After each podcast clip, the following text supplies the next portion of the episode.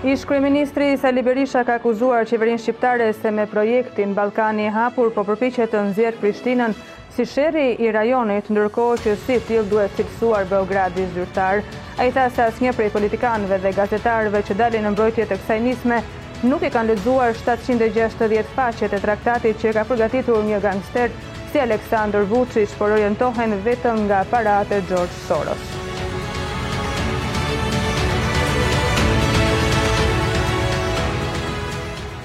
Rreth tridhjetë e tre mijë maturantë iu nënshtruan provimit të dytë të maturës shtetërore këtë të shtunë, atij të gjuhës shqipe dhe letërsisë. Studentët kishin në dispozicion dy orë e gjysmë kohë, pasi provimi nisi në orën dymbëdhjetë dhe u mbyll në orën dymbëdhjetë e tridhjetë. Dy ditë më parë, më nëntë qershor, maturantët iu nënshtruan provimit të parë, atij të gjuhës së huaj. Gjithsej ishin gjashtëdhjetë pyetje për t'u plotësuar dhe për të kaluar një nxënës duhet të merrte minimumi njëzet e pesë për qind të pikëve. pra pesëmbëdhjetë pikë. Ndërkohë, nëse maturanti kapet me telefon apo shkelje të tjera, penalizohet dhe e jep atë sërish në shtator. Matura shtetërore ka gjithsej katër provime, gjuha e huaj më nëntë qershor, gjuha shqipe dhe letërsia më njëmbëdhjetë qershor, pra sot, matematika më shtatëmbëdhjetë qershor dhe lënda me zgjedhje më njëzet e katër qershor. Në disa shkolla janë vendosur bllokues valësh në mënyrë që të shmanget kopja me telefon si dhe ka detektor në hyrje për të zbuluar Çdo aparat që mund të tentojnë të fusin studentët, përgjigjet e provimit do të dalin jo më vonë se data tridhjetë qershor.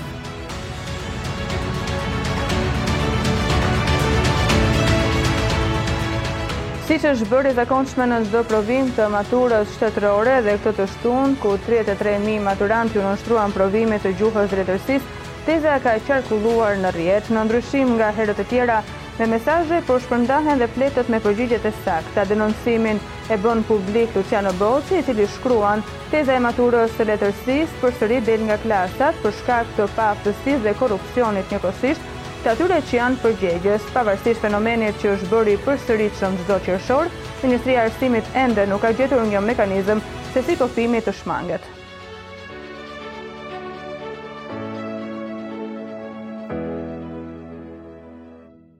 Bordi i Transparencës ka vendosur çmimet e reja për produktet bazë të konsumatorëve shqiptarë si orizi, sheqeri, mielli dhe vaji. Pas analizimit të këtyre marzheve, Bordi i Transparencës vendosi që këto produkte duhet t'i ofrohen konsumatorit familjar në markete me çmime jo më të larta se 101 lekë për kilogram për orizin Kokërrgjatë, njëqind e katër lekë kilogram për sheqerin, nëntëdhjetë lekë për kilogram për miellin masiv.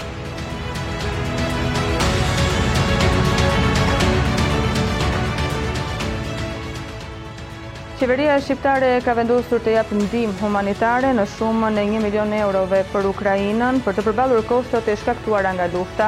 Vendimi u mor në mbledhjen e Këshillit të Ministrave dhe vjen disa javë pas zotimit që Shqipëria dha në Konferencën e Donatorëve që u mbajt në Varshavë të Polonisë. Sipas vendimit, shuma do të përballohet nga fondi rezervë i buxhetit të shtetit për vitin dy mijë e njëzet e dy.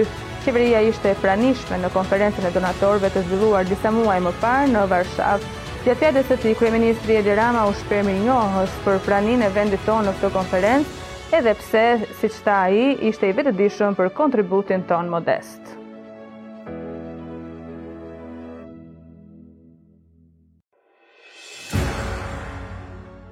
Kryeministri Edi Rama ka dhënë një intervistë mbi zhvillimet e samitit vjetor të procesit të bashkëpunimit të Europës Juglindore në Selanik.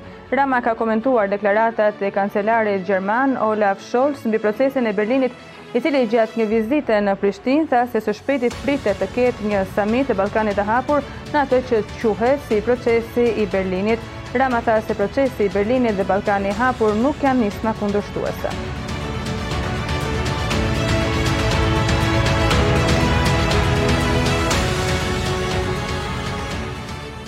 Deputeti i Partisë Demokratike, Tritan Shehu, me anë të një postimi në Facebook, ka vlerësuar vizitën e kancelarit gjerman Olaf Scholz në Ballkan, duke thënë se ai ka goditur aventurizmin politik në rajon. Shehu gjithashtu e vendos theksin te thirrja e Scholz për integrimin e rajonit në Bashkimin Evropian, duke nënvizuar se kjo është një mbyllje dere për nismën Ballkani i Hapur, E përkrahur nga kryeministrat Edi Rama dhe Aleksandër Vuçiç.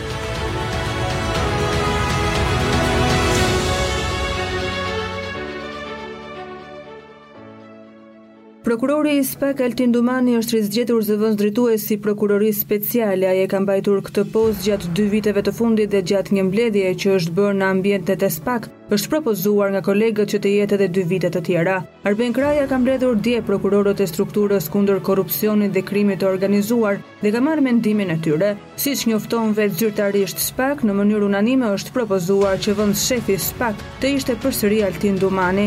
Në këto kushte, Kraja ka vendosur se kolegu i tij do të rizgjidhej në postin që mbante dy vitet e fundit edhe për një mandat tjetër me afat dyvjeçar. Altin Dumani ka një karrierë gati dy dekada e gjysmë në organin e akuzës shqiptare.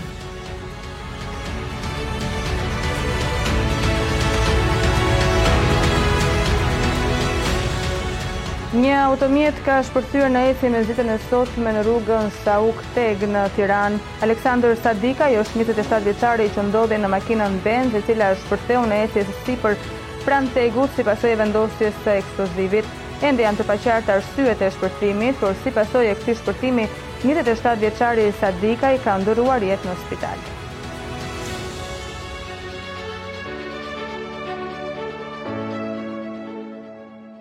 Një roje nate i punësuar në serat e fshatit Mbrostar Ura në Fier është sulmuar dhe vrarë me thikë jashtë kabinës. Gjashtëdhjetë e shtatë vjeçari është gjetur i pajetë mëngjesin e së shtunës rreth orës gjashtë e dyzet minuta. Nga hetimet e deritanishme ka rezultuar se viktima ka dëgjuar zhurmë dhe ka dalë në rrugë. Aty është konfliktuar me autorin i cili e ka qëlluar me thikë në bark dhe duar.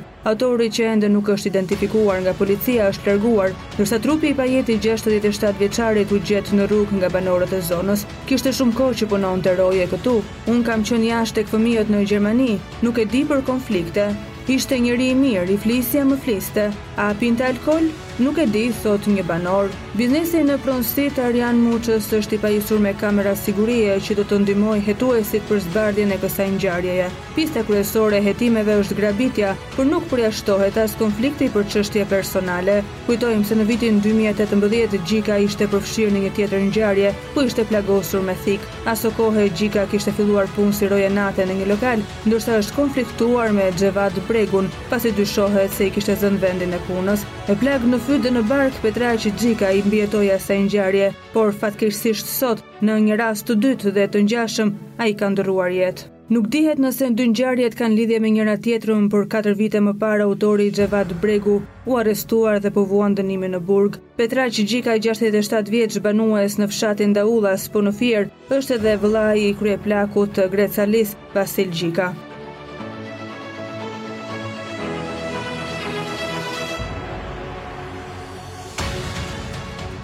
Deputetja Mimi Kodheli ka uruar socialistët në ditëlindjen e 31 të Partisë Socialiste. Ajo ka zgjedhur të urojë anëtarët e Partisë Socialiste në një foto të saj Me deputetin Erion Braçe, teksa shkruan një socialist i vërtetë.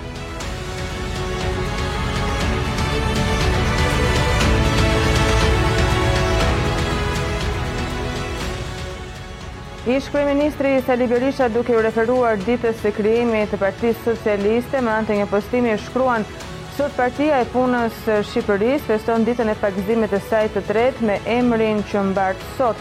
Ajo u themelua më tetë nëntor të vitit një mijë e nëntëqind e njëzet e një nga Partia Komuniste e Shqipërisë. Kjo parti me në krye Edi Ramën ndërtoi narkoshtetin e parë dhe të vetëm në Evropë si parti-shtet, instaloi pas tridhjetë e një viteve monizmin e plotë në Shqipëri.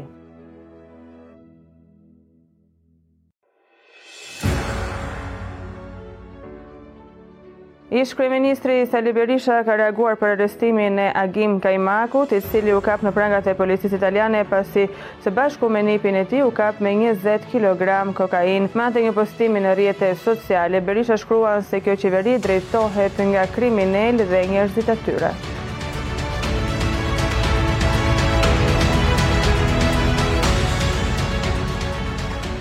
Policia Rrugore e Fierit gjatë monitorimeve në bypassin e Fierit dhe në aksin rrugor Levan Tepelenë në një ditë janë hequr shtatëdhjetë e tetë leje drejtimi të pezulluara për periudha nga katër deri në tetëmbëdhjetë muaj administrative nga njëqind e pesëdhjetë mijë lekë të vjetra deri në nëntëdhjetë mijë lekë të reja, shoferët janë gjobitur si pasojë e shpejtësisë tej normave të lejuara.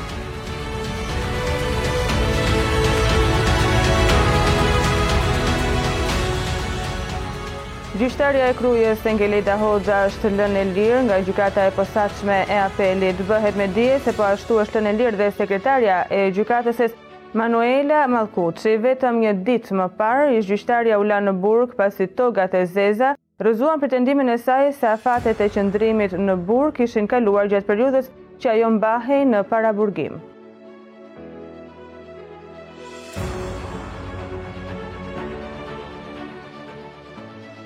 Kisha e Laçit, e njohur ndryshe si Kisha e Shën Ndohut, prej vitesh njihet Si një vend i shenjtë ku mijëra besimtarë nga e gjithë Shqipëria e vizitojnë këtë vend, kryesisht gjatë trembëdhjetë të martave të shenjta që nisin nga data njëzet e shtatë mars e përfundojnë në trembëdhjetë qershor.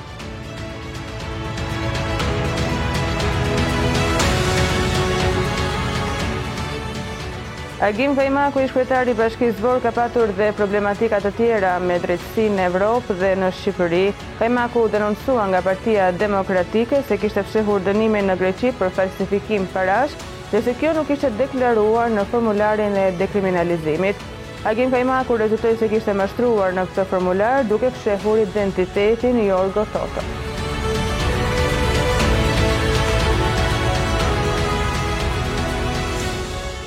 Ish-kryebashkiaku socialist i Vorës, Agim Kajmaku është arrestuar nga policia italiane pasi është kapur me njëzet kilogramë lëndë narkotike e llojit kokainë e cila do të hidhej në treg dhe do të kapte vlerën e një milion eurove.